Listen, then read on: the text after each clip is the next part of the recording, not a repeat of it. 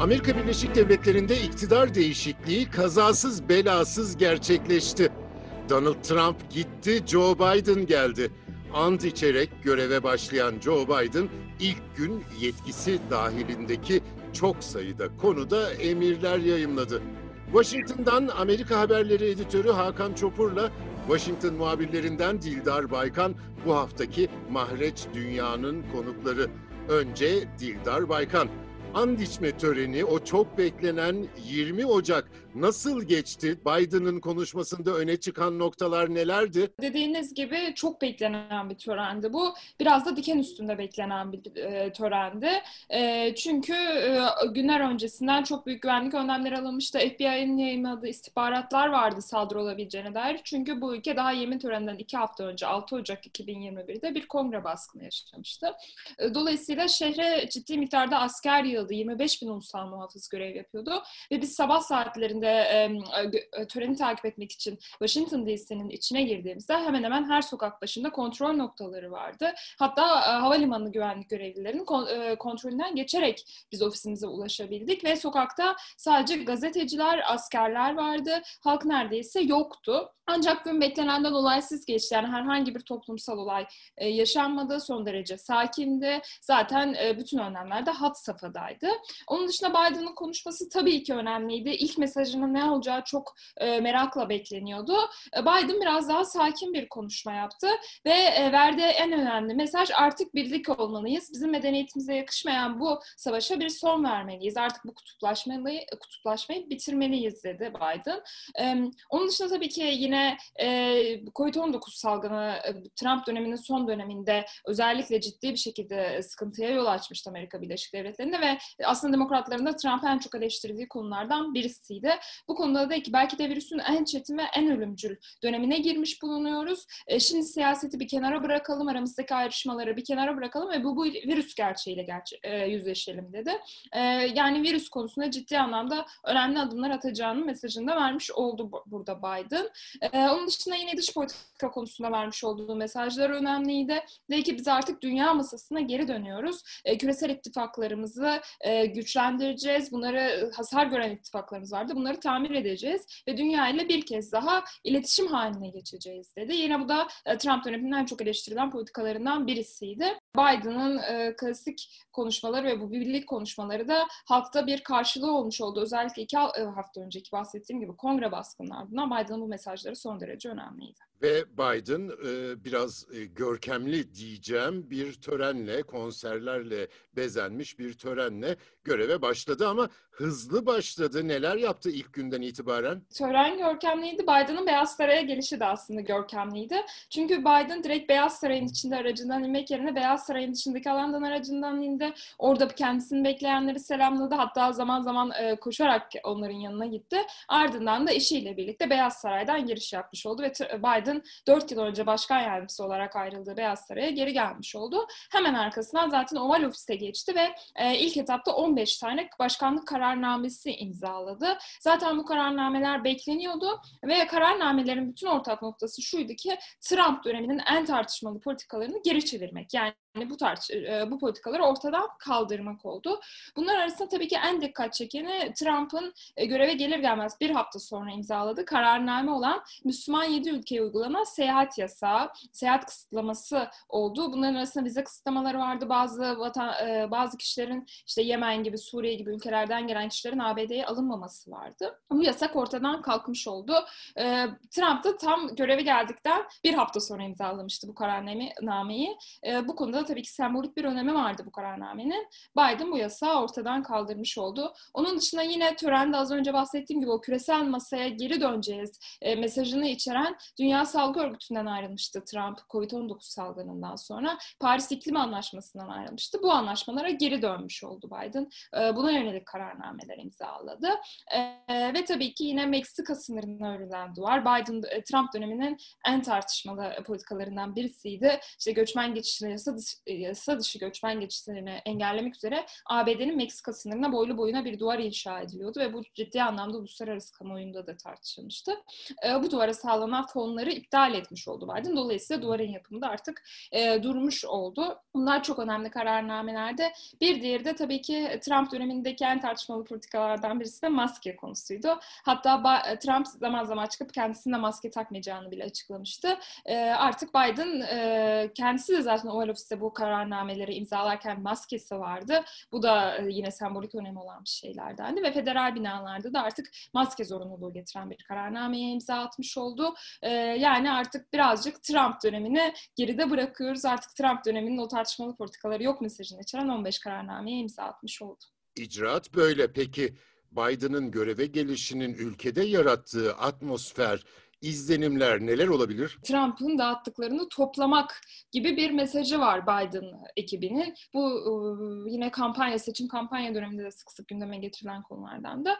Hatta bugün Time dergisinin bir kapağı var. İşte Biden Oval Office'te duruyor, camdan dışarı bakıyor ve Oval Office tamamen dağılmış bir şekilde. Hatta perdelerde Trump yazıyor. İşte Biden acaba bu dağıtılmışlıkları toplayacak mı gibi bir şey var.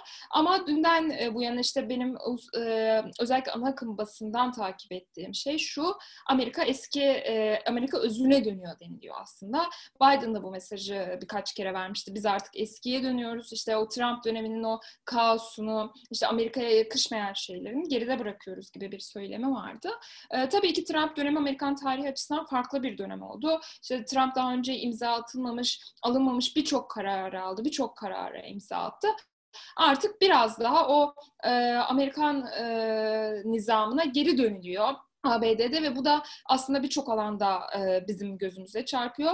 Tabii ki bir gazeteci olarak benim en çok dikkatimi çeken şeylerden birisi de dün e, işte Biden'ın Beyaz Saray sözcüsünün yaptığı basın toplantısı oldu. Genelde hem Trump'ın yaptığı basın toplantılarında hem de e, Beyaz Saray sözcülerinin yaptığı basın toplantılarında Trump döneminde genelde gazetecilerle ciddi takışmalar olurdu, atışmalar olurdu. Hatta zaman zaman işte Trump'ın gazetecilere e, kızıp kürsüyü terk ettiğine bile şahit olmuştuk. Dün mesela çok daha sakin sakin, e, çok daha saygı çerçevesinde bir basın toplantısı düzenlendi. Dolayısıyla tabii ki Biden döneminin aldığı kararlar da tartışılacaktır.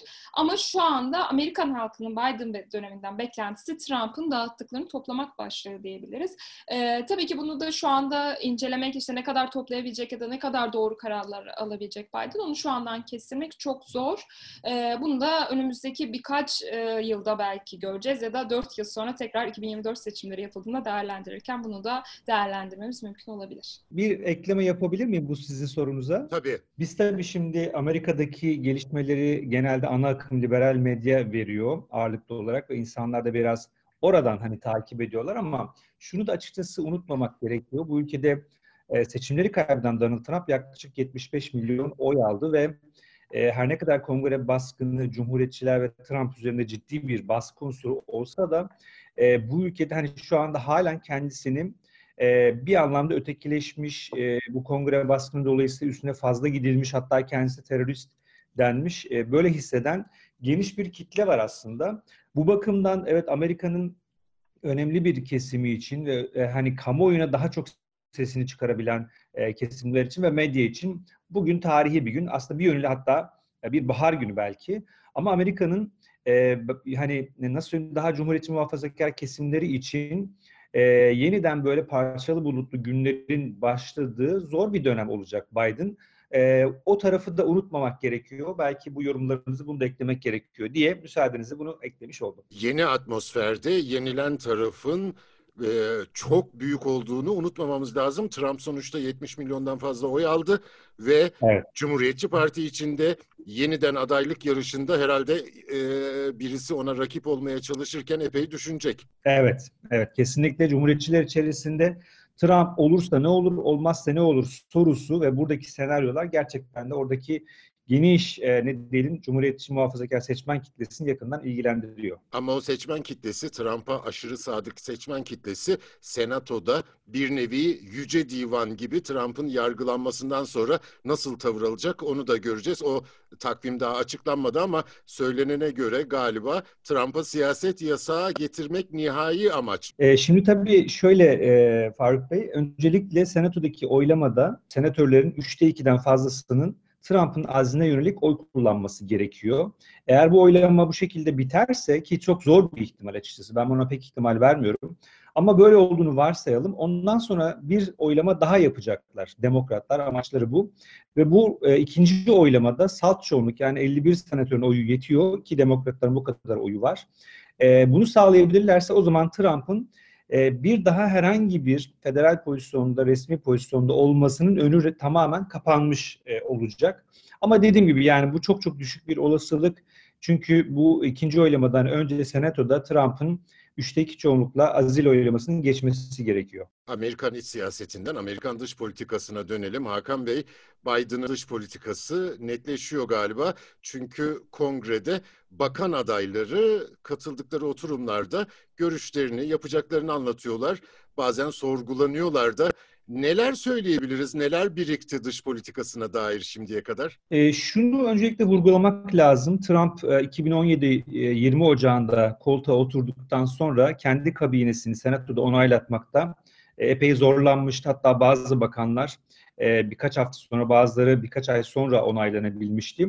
Fakat gözüken o ki e, Biden yönetimi ve Biden'ın ekibi, dış politika ekibi ya da diğer bakanlıkları, kabinedeki hani senatodan onay alması gereken diğer isimlerin daha hızlı bir şekilde onay e, alacağı gözüküyor. Nitekim e, çarşamba akşamı yani Biden'ın yemin edip göreve başladığı günün akşamında Senato Genel Kurulu'nda Biden'ın Ulusal İstihbarat Direktörü aday gösterdi. Avril Haines onay aldı. Biden Dışişleri Bakanı adayı Anthony Blinken Senato Dış İlişkiler Komitesi'nden geçti. Oradaki sorgulamada daha doğrusu oturumda senatörlerin Türkiye yönelik soruları da açıkçası önemliydi. Hemen bir cümleyle de onu aktarmak isterim.